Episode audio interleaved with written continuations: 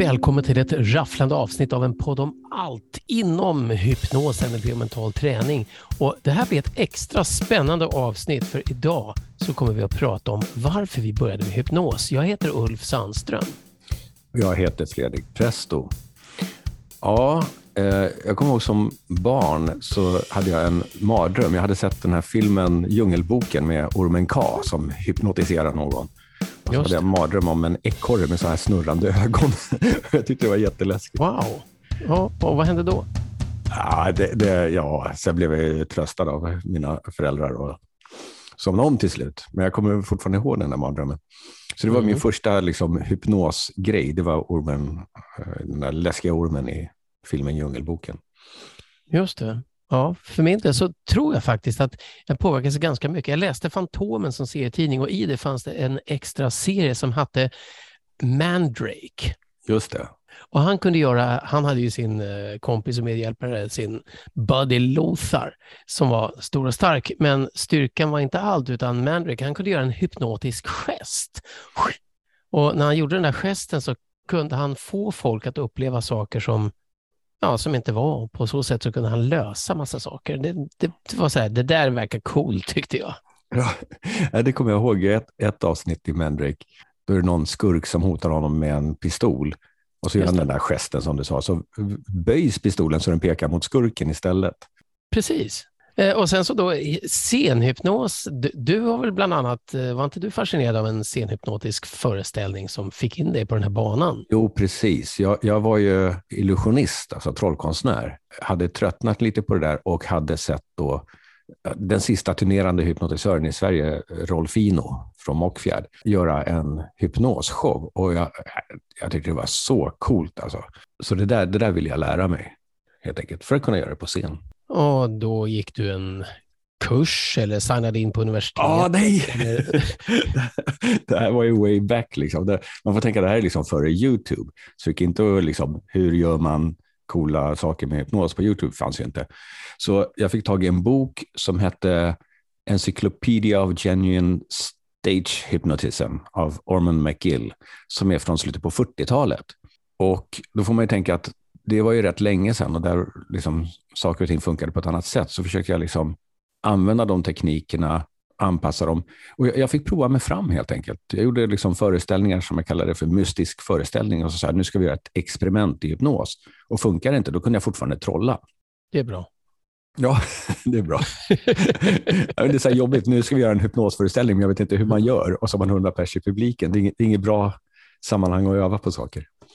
Nej, men, det är också mer förmågan att våga och vara nyfiken och vilja testa. Jag vet att jag, eh, återigen, drömmar är ju ett sånt där plats som man stöter på hypnotiska fenomen väldigt mycket. Jag kunde drömma otroligt så här färgstarka drömmar och ibland när man var trött eh, och halvslumrade så kunde det hända att man landade i en halvvaken dröm, det vill säga man vet att man drömmer men man är i drömmen, en lucid dröm på något sätt. Mm och, och, och, det var också en grej som gjorde mig fascinerad och började undra, liksom, vad, när underhåller min hjärna mig och när kan jag hjälpa min hjärna att underhålla mig och när kan jag ta en del av den här underhållningen? För, för skräckupplevelser är ju hypnoser också. Vår kompis James Tripp brukar prata om toxic trance, när man skapar negativa eh, hypnotiska tunnlar. Ja, precis. Och jag tänker också på boken Verbal Verbal First Aid heter det. Svårt med engelska. Verbal första hjälpen. Precis. Ja, precis. Och, eh, för, för, där är det liksom, om en person är i chock efter en olycka eller något sånt där, ja. så är det också en trans. Just det. Och om du då säger rätt saker så är det större chans att det går in.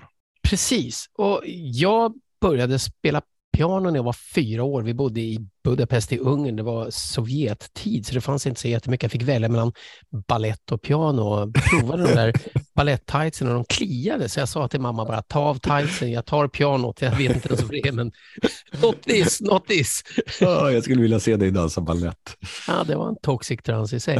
Men när man då börjar med musik, och musik är ju ett flow och transtillstånd när, när det utövas som bäst. Det ledde till att jag började spela ute på scen ganska tidigt, jag kanske var 12, 13, 14, 15 år. Och då handlar det om att det handlar om att skapa en hypnotisk stämning och att trollbinda publiken. Och där blev det så där för mig verkligen, det gick upp för mig, man brukar säga att folk är mesmeriserade, de är förtrollade, de är i trans eh, när det är en bra föreställning, när det är en bra underhållning. Absolut. Och det, där väcktes ett intresse för mig just för hypnos på det sättet. Mm. Eh, men sen var jag väldigt påverkad av film och annat också. För att jag hade hört att hypnos kunde användas till exempel istället för narkos. Just det. Eh, och sen på den tiden som sagt när det inte fanns någon Google och YouTube, då fick man ju läsa i böcker, det var lite mer spännande. Eh, och då kunde man hitta liksom böcker som berättade att det hade använts i amerikanska inbördeskriget. Vi bodde i USA, så jag läste mm. lite amerikansk historia på den tiden. Det användes som smärtlindring vid amputationer. Mm. Och i Indien så var det en engelsk kirurg som använde detta eh, väldigt mycket för operationer och ingrepp på ja, flera hundra personer. James Esdale, mm. som, som dokumenterade det där också. Så han gjorde alltså amputationer som var helt smärtfria, dokumenterade det och sen skulle, kom tillbaka till England och skulle presentera det för Vetenskapsakademin. Och ja. de var måttligt intresserade för de hade precis upptäckt vad de då kallar för eter, men alltså narkos. Jo, precis. Men det gör det inte mindre intressant. För att då Nej. tänkte jag så här, redan då så kunde ju folk säga, eller redan då, på den tiden så kunde folk säga, ja men är inte det där mumbo jumbo, är inte det där eh, på låtsas? Men jag menar, om någon ska såga av dig armen och du faktiskt inte känner någon smärta och det läker fort, försök att låtsas det. Ja, precis. När jag kom till Sverige sen, då var jag ja, 12 år någonting, då började jag i sexan. Och det som hände då, som var för mig helt fascinerande, det var att man avbröt undervisningen. Alltså hela klassen avbröt undervisningen och så samlades alla i aulan och tittade på när, när någon som heter Stenmark åkte ett lopp. Ja visst, så var det ju. Det var, hela skolan stannade. Nu är det Stenmark. Helt, jag kom från, från engelsk-amerikansk skola, liksom det hade varit helt otänkbart. Ingen hade avbrutit undervisningen för en, för en sån grej. Men då satt jag och var fascinerad och då hörde jag att, att Stenmark, han, han, en av hans hemligheter var att han åkte, han gick ner för banan och sen åkte han loppen i huvudet mentalt flera gånger innan själva loppet. Och Det är också en slags mentalisering eller hypnos som ett verktyg i mental träning för idrott. Precis, mental träning eh, är ju hypnos och visualisering är en jättestor del av det. Så att, jag vet inte om Stenmark var tränad i mental träning, men det är definitivt en sån teknik som faktiskt man kan förstärka ännu mer genom att göra under hypnos. Men det är en sorts självhypnos. Att kunna visualisera så pass och leva sig in i det är en sorts självhypnos. Precis, och, och hypnos är ju också just det där att fokusera, eh, alltså fokusera på en grej och, och, verkligen ta bort allt annat. En annan grej som hände också då, det var ju att man lite sen längre fram i tiden så gjorde man militärtjänst och på den tiden var det värnplikt så man hade inget större val. Och Det där med att skjuta prick var också fascinerande därför att där fick vi faktiskt öva till Uneståls kassettband. Vi, vi, det kom faktiskt en mental tränare och, och, vi fick genomgå mängder av hypnos. In, inte just för skyttet, där använde det också, men för att vi skulle lyssna på morsekod otroligt fort. Liksom. Det bara låter... Så ska man hinna uppfatta det där. Och då fick vi ligga på liggunderlag i ett rum allihopa och, och gå i djup trans och hitta en slags koncentration som funkar för det där och sätta ett ankare så att vi kunde snabbt hamna i det där tillståndet. Just det, du, eh, du var typ telegrafist eller något sånt där i värnplikten? Ja, något i den stilen. Ja, jag var gruppskyttechef och eh, det vi gjorde var att promenera i skogen långa sträckor och krypa i lera. det var hemskt. hemskt var det.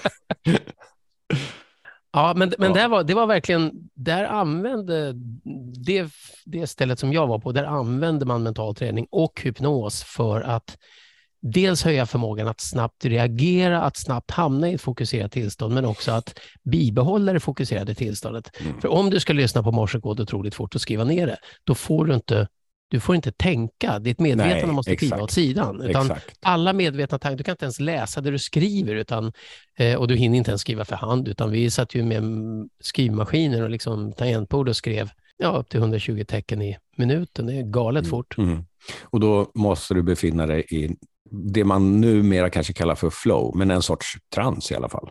Ja, och, och, och där, där väcktes mer fascination för just hypnos. Men då, då, när vi diskuterade då, eller när man diskuterade med andra, så var det fascinerande att det var så mycket myter. För alla verkar ju inte uppleva exakt samma sak eller samma fenomen. Nej, precis. Det där är ju, det, när, när man gör hypnos som underhållning så är det ju väldigt olika hur folk upplever instruktioner. Om man tar en klassiker som som inte behöver särskilt djup hypnos, det är att eh, knäppa upp händerna och händerna sitter fast.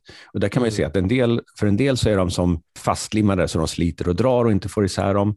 För en del är det som ett pussel. De försöker lista ut, kan jag lyfta något finger? Om jag lyfter det här först och sen det här. Så det är väldigt olika hur de reagerar. Och en del har väl också sagt att de känner att, jag vet att jag känner att händerna inte går att ta isär, men jag vet också att jag skulle kunna ta isär dem. Eh, om det skulle behövas, om det till exempel, eh, det hände mig faktiskt en gång, jag hade gjorde en hypnosshow på en nattklubb och eh, när eh, alla, alla var i djup hypnos och i princip skulle föreställningen börja, då går brandlarmet.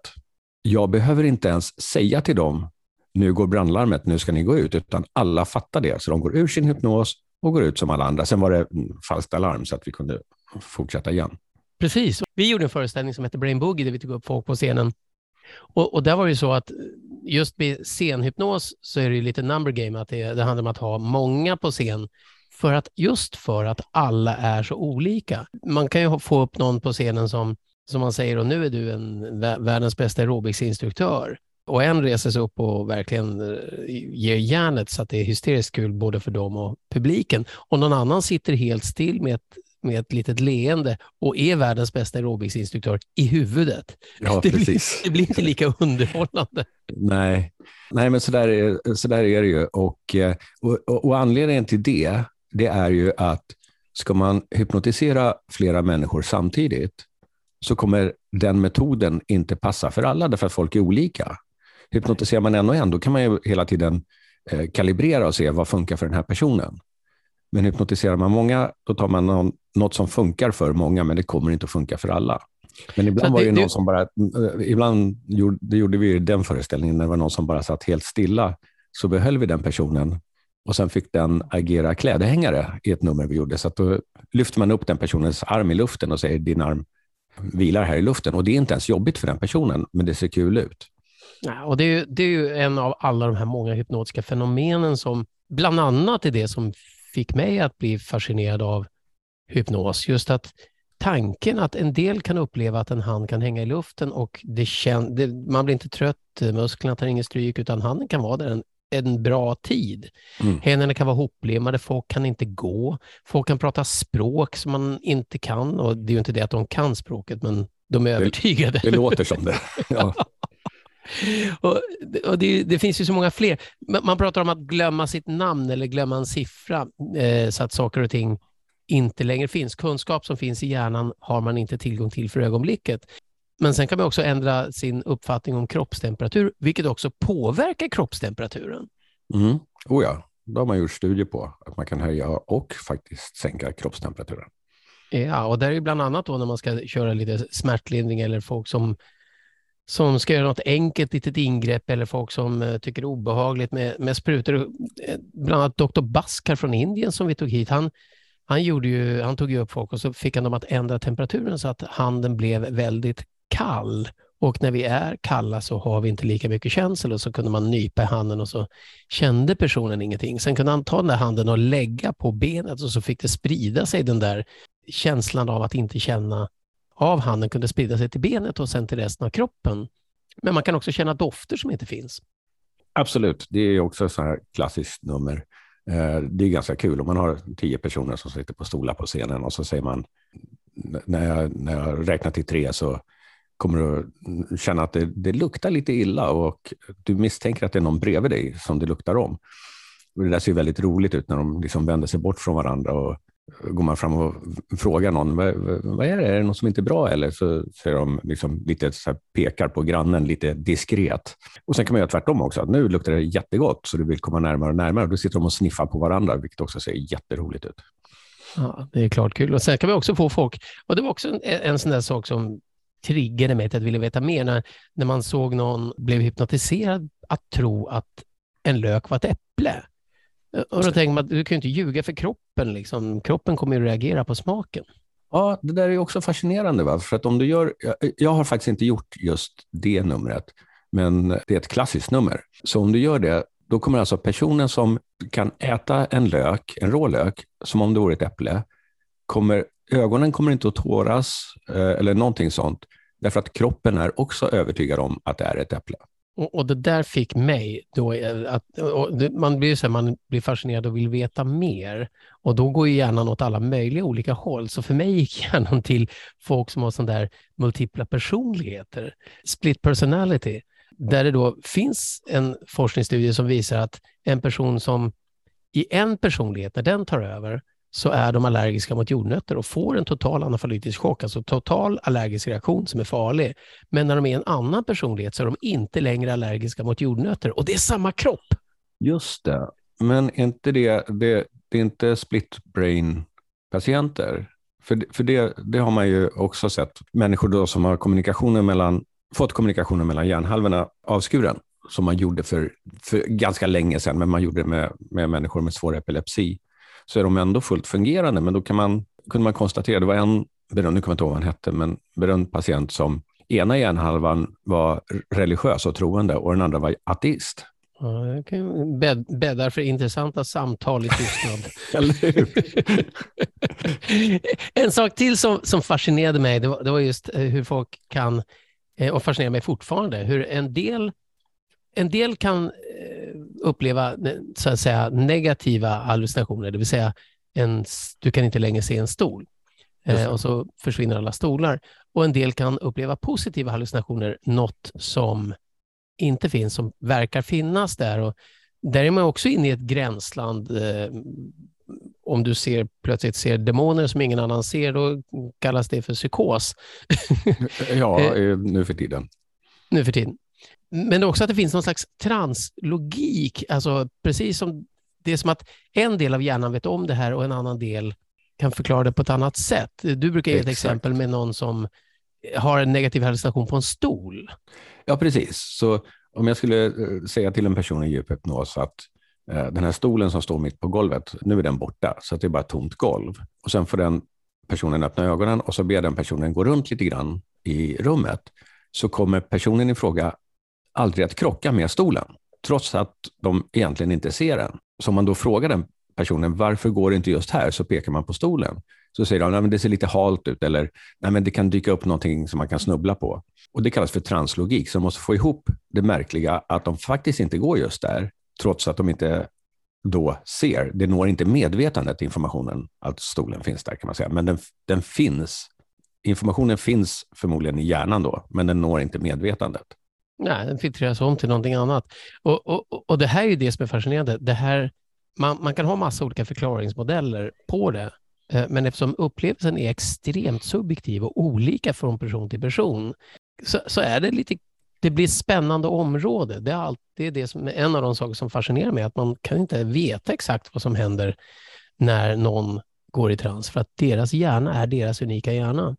Men sen kan ju då, och det, anledningen att, att jag tycker att det här är intressant, och det här är ju en av anledningarna till att jag är så intresserad av hypnos och, och började med hypnos, det är att man, det var massa saker man inte riktigt förstod. Det var massa saker man tänkte, det där skulle jag, vad coolt, det där skulle jag vilja kunna uppleva, eller det där skulle jag vilja kunna få andra att uppleva. För hypnos har också använts för att påverka metabolismen i kroppen, att folk går in i ett ett slags medvetet vegetativt tillstånd för att han, hantera hunger och sömn. Bland annat så var det en, en pilot som skulle åka jorden runt i ett flygplan som drevs med solceller, så han fick aldrig somna för att han måste hålla kursen så att det är sol på vingarna, annars kraschar planet. Han använde hypnos och såg till att vara i en slags mellantillstånd mellan dvala och vaken under många, många, många timmar. Just det. Man når ju förr eller senare en punkt där man måste ha djupsömn han tog pauser men... faktiskt och, och, gick ner i djupsömn väldigt, väldigt kort. Alltså ah, okay. inte i planet, utan det, de fick ju naturligtvis eh, ladda och starta om, men det handlar om att ta sig en sträcka runt en lång sträcka som planet skulle avverka. Ja, just det. Jag tror man klarar ett par dygn utan djupsömn. Mm. Så ett par dygn kan man vara i hypnos faktiskt. Okej, okay, så illusionist och sen så hittar du, börjar du experimentera med hypnos på scenen. Mm, men vad hände sen då? Ja, sen var det, det var många, eh, efter en föreställning så kom ofta folk fram till mig och frågade, ja, men du som kan hypnos, kan du hjälpa mig att sluta röka eller eh, bli av med en fobi eller någonting? Jag har hört att hypnos ska vara bra för det. Och på den tiden hade jag inga, så jag bara kunde göra hypnos som underhållning. Men jag var ändå, alltså jag har alltid varit fascinerad av mänskliga psyket och medvetandeforskning och allt sånt där. Så att jag började liksom söka efter, finns det någonting jag kan kombinera med hypnos för att hjälpa människor med olika saker? Och du vet ju du lika väl som jag att hypnoterapi är ju en, eh, en djungel av olika synsätt och metoder och grejer. All terapi är en djungel. Ja, det är sant. All terapi är en djungel. Men så jag började, gick lite kurser, lärde mig lite saker, men inget sånt där riktigt klickade förrän jag såg en man som heter Richard Bandler. Inför en stor mm. publik så tar han upp en kvinna på scen som har en extrem ormfobi. Han, han behöver bara säga ordet orm så freakar hon ut totalt. totalt. Så kör jag igenom en snabb process med henne och säger, okej, okay, tänk så här, har du det? Ja, tänk så här, har du det? Uppenbarligen för mig som då hade vana från hypnos så såg jag att han använde hypnos också, men han sa inte det rent ut. Men det var uppenbart att han gjorde det. Efter kanske tio minuter eller en kvart så säger han, okej, okay, om du tänker på en orm nu, hur känns det nu? Ja, det känns lugnt, säger hon. Och då tar de in en stor sån här äh, boaorm eller vad det är, som hon får sitta och hålla i och hon är helt lugn.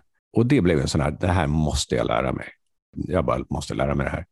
Så då gick jag kurser från honom och han är då medskapare till NLP, som både du och jag jobbar med också, neurolingvistisk programmering.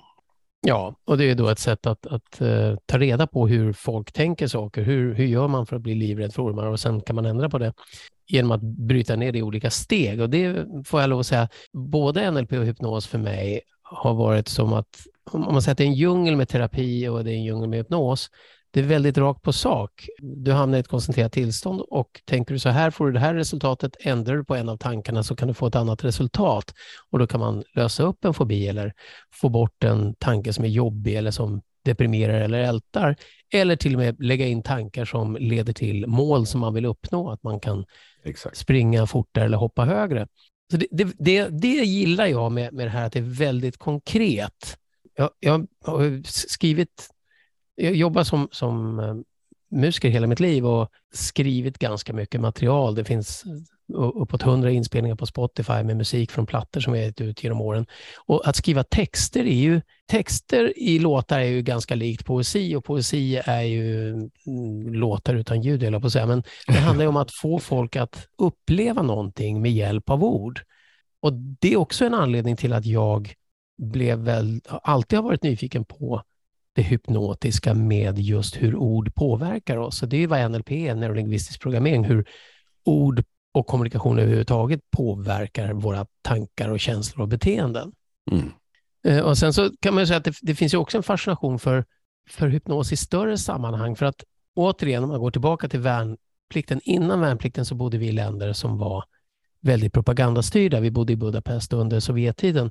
Det var censur, det var en idé en ideologi politiskt, man fick tänka vissa tankar och man fick inte tänka vissa tankar som hade att göra med frihet och demokratiska rättigheter, bland annat. Och Det gjorde att jag blev medveten om att på en samhällsnivå så finns det också en slags masshypnos eller masspsykos där alla delar vissa tankar och värderingar och helt plötsligt kan det skifta. Mm. Ja, och, och det, även med marknadsföring, helt plötsligt så är Gangnam style en video som når miljoner människor över hela jorden. Eh, det är också en fullkomligt fascinerande och för mig har det att göra med hypnos. Det har det. Man skulle kunna säga så här då att det som är... Nu, nu har ju du bott i väldigt många länder under din uppväxt. Bor man bara i ett land så den kulturen och de tankesätten och ja, det, det, sånt har man som sanningar för att man är så van vid det och ser inte utifrån och därför tänker man inte ens på att man befinner sig i någon sorts hypnos faktiskt, som är nästan synen på verkligheten. Ja, men det är ju allting. Alltså, vi är ju vi är övertygade om saker som vi tar för givna sanningar. Sånt där ska en karl tåla eller tweet, tweet, tweet, en katt korsar vägen. Det är ju övertygelser och övertygelser är hypnotiska. Det är ingenting vi ifrågasätter. För vissa saker, när vi inte ifrågasätter dem, då, då har vi inte längre vår, vårt kritiska tänkande. Och det är en av de saker som kliver åt sidan specifikt när man går in i en trans. Exakt, man brukar kalla för, jag vet inte varför, kritiska fakulteten. Ja. Som då är det här, man kan säga så här, det, det finns på engelska någonting man kallar för suspension of disbelief. Det vill säga om du tittar på en film så vet du, ja men det där är Johnny Depp och han tjänar sig så många miljoner och han har varit i en rättegång och, och så vidare. Allt det där bara släpper du och du vet att det är bilder, om det är 20 bilder i sekunden som visas via en projektor mm, eller 25. digitalt nu för tiden. Ja, 25 ja. bilder i sekunden. Det där vet du med logiken, men du lever in i filmen. Så du släpper det. Och lite grann är det det som sker i hypnos också.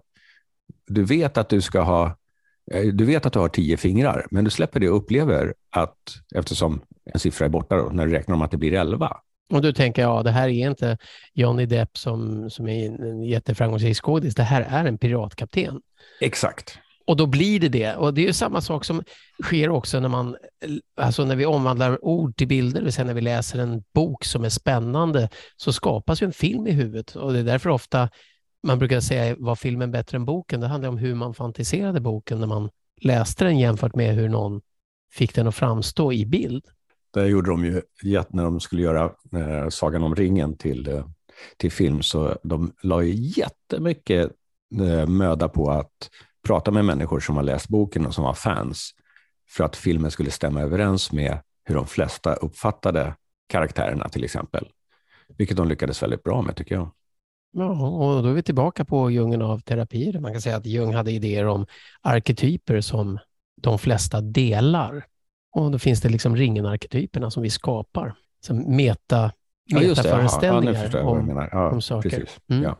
Äh, men så att, jag kan väl säga att för min del så har ju alltså både konkret, konkreta upplevelser, konkret användning, eh, propaganda, censur, föreställning, hypnos, texter, kreativitet. Så alla de här sakerna ledde fram till att jag hela tiden ha, har haft ett intresse för hypnos och kanske inte alltid medvetet just att det är hypnos det är frågan om, utan fenomenet i sig. Men det som blev avgörande för mig, det var ju när du då som hade tittat på Bandler och, och eh, tänkte att det där måste jag kunna, så hade du börjat jobba med, med det som hypnoterapi eller hypnocoaching. Då träffades vi genom en bekant därför att jag gjorde en annan föreställning, en musikföreställning som heter Boogie Woogie Burlesque. Och där träffade vi Torsten Andreas, eller jag träffade Torsten Andreasen från Gyckla-gruppen som hade en stor del i den föreställningen. Mm. Eh, fantastiskt eh, rolig underhållare. Och ja. på så många sätt, han har också, kommer också från trolleri och jonglering och, och, oh ja, och komik och allt det här. Vi var ju, när vi var barn, mm, trollade tillsammans i Svensk Magisk Cirkel, han och jag. Precis.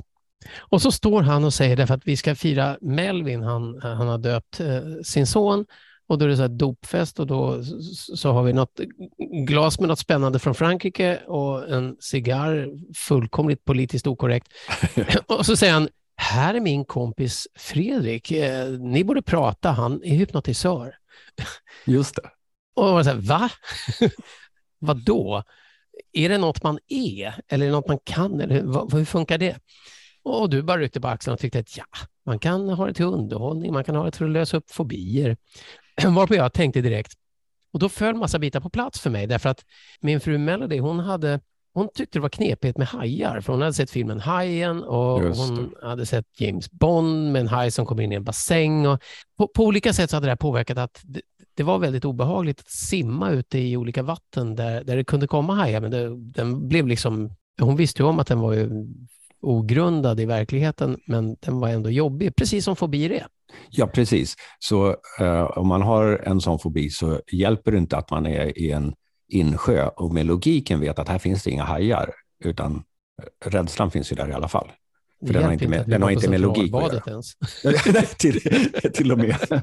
Nej, men så, så, är det verkligen med fobier. Det, det, log, logiskt vet man det finns inga hajar här, men det, det hjälper inte mot rädslan. Det är en annan del av hjärnan. Så, så jag, jag, medan vi står där, jag vet inte om du minns det, men medan vi står där i, eh, där vi stod så ringer jag upp henne och säger, darling, jag har en hypnotisör här. Va? Varför det? Varför jo, men han, han, han påstår att man kan, han, man kan bli av med fobier och så vänder jag mig om och frågar dig hur lång tid tar det? Så förväntar jag mig så här 10-15 sessioner eller något och du rycker på axeln och säger 20 minuter. det här låter toppen. och Mel tyckte bara, vi kör. Och så gick hon en session hos dig och och jag frågade efteråt, men vad gjorde han? Ja, det, var, det var lite fåniga röster och, och grejer, men, men det gick bra sen och, och det där, fobin var inte kvar. Då, Nej, då blev jag så där fascinerad. I, då, då, fick jag samma känsla som du när du såg Bandler och den där kvinnan med ormen, att mm. det, här, det här vill jag förstå, det här vill jag lära mig. Och då signade jag upp för en kurs, och, för då fanns det kurser. Ja, eh, precis. Men det som blev spännande där, för mig blev det så att jag använde hypnos i början då till att få ett bättre mellansnack mellan låtar när vi gjorde konserter. Det kommer jag ihåg, det var ju grunden till att vi gjorde vår föreställning Brain Boogie. Det var att jag såg dig med ditt band då, Jump for Joy. Och mm. just det här mellansnacket som var lite grann som en sån här äh, amerikansk preacher-pastor-feeling, eller hur? Precis. Och då hade jag, jag hade haft en idé om att göra något sånt, fast som underhållning, det vill säga utan Gud och Jesus och donera pengar. Så ja, utifrån det då, vi snackade om, ska vi göra en show ihop? Och så blev det den här Brain Boogie. Ja, och, och sen så också samtidigt som detta, när jag då blev intresserad av neurologistisk programmering och alltihopa, så provade man att, att göra, hjälpa folk. Och jag inser att för mig blev det så att en konsert, när du får liksom ett, eh, tusentals människor att tända en tändare som det var på den tiden, eller eh, resa sig upp och göra vågen, eller stående ovationer. Det där är ju ett slags hypnosfenomen. Alltså folk hamnar i en gemensam kollektiv trans och har en gemensam upplevelse och har en gemensam reaktion. Och Absolut. då började jag spela med det medvetet vilket var väldigt fascinerande att man kunde göra saker för att få den här upplevelsen att bli starkare för publiken i positivt syfte. Mm. Och, och, då när jag provade att göra hypnosterapi som en del av kurserna så insåg jag att eh, om en konsert då, för ibland kunde komma folk efter en konsert och säga jag vill bara tacka dig för att det du har gjort för min mentala hälsa. Och då tänker man så här, jaha, ja, ja. Hur, hur, då? Ja, men alltså, jag har suttit i min lägenhet eh, i, i månader och inte velat gå ut, så såg jag att ni spelade, så gick jag ner och lyssnade och så fick jag verkligen den där känslan av att allt är möjligt, att det kändes så bra. Någon upplevelse har då gjort att någonting har släppt och den här människan i princip har fått samma resultat som man kanske vill ha om man går i terapi, fast på ett ja. mer underhållande sätt. Ja. Och Det är musikens helande kraft och, och då tänkte jag, shit, det här är grejen. En konsert kan vara terapi för hundratals, tusentals personer samtidigt och terapi kan vara som en konsert för en. Och, och då, då började jag köra, då började jag ta emot klienter. Dels då, och det här brukar vi diskutera, är det hypnosterapi eller hypnoscoaching? Då kan man ju säga att terapi är när man hjälper någon från ett minusläge till neutralt och coaching är när man hjälper någon från neutralt till spektakulärt. Och ofta så kan man behöva båda två. Och det är det jag tycker att hypnos är så fascinerande, därför att Mm. Det ger en möjlighet att bara välja vilka ord man säger och hur man säger saker. Mm. Då kan man få förändringar att ske utan att egentligen göra någon formell session. Exakt. Jag tänkte på det där med, med terapi och coaching. Ett, ett bra exempel på det, att båda går att göra, det är människor som det är vanlig rädsla att prata inför publik och prata inför andra. Första steget är då eliminera rädslan. Nästa steg är vilken känsla skulle du vilja ha? Eh, peppad och, och inspirerad eller vad det nu är. Och då lägger man till det positiva också. Och det är det som är grejen, att det, och det är där jag inte riktigt kan begripa när folk tycker att det är två helt olika saker, coaching och terapi, för att det är en människa man jobbar med och en människa har både minuslägen och pluslägen. Och ibland brukar vi också säga, eh, när vi diskuterar det här, ibland så är ju ett ett minusläge är att man har en kompetens men en oro eller rädsla skapar en kompetensförmörkelse. Och det är ju i, i sig ibland, en övertygelse är ju ett hypnotiskt tillstånd. Man går in och ändrar en övertygelse om vad man är kapabel till så plötsligt så tillåter man sig att vara kapabel till fler saker. Men om man då ska få göra en snabbspolning här. För mig eh, blir jag bara mer och mer fascinerad av området. Det är bara mer och mer man upptäcker hur, hur det fungerar och hur det kan påverka oss i alldagligt liv, i, i valtider, i marknadsföring, i propaganda.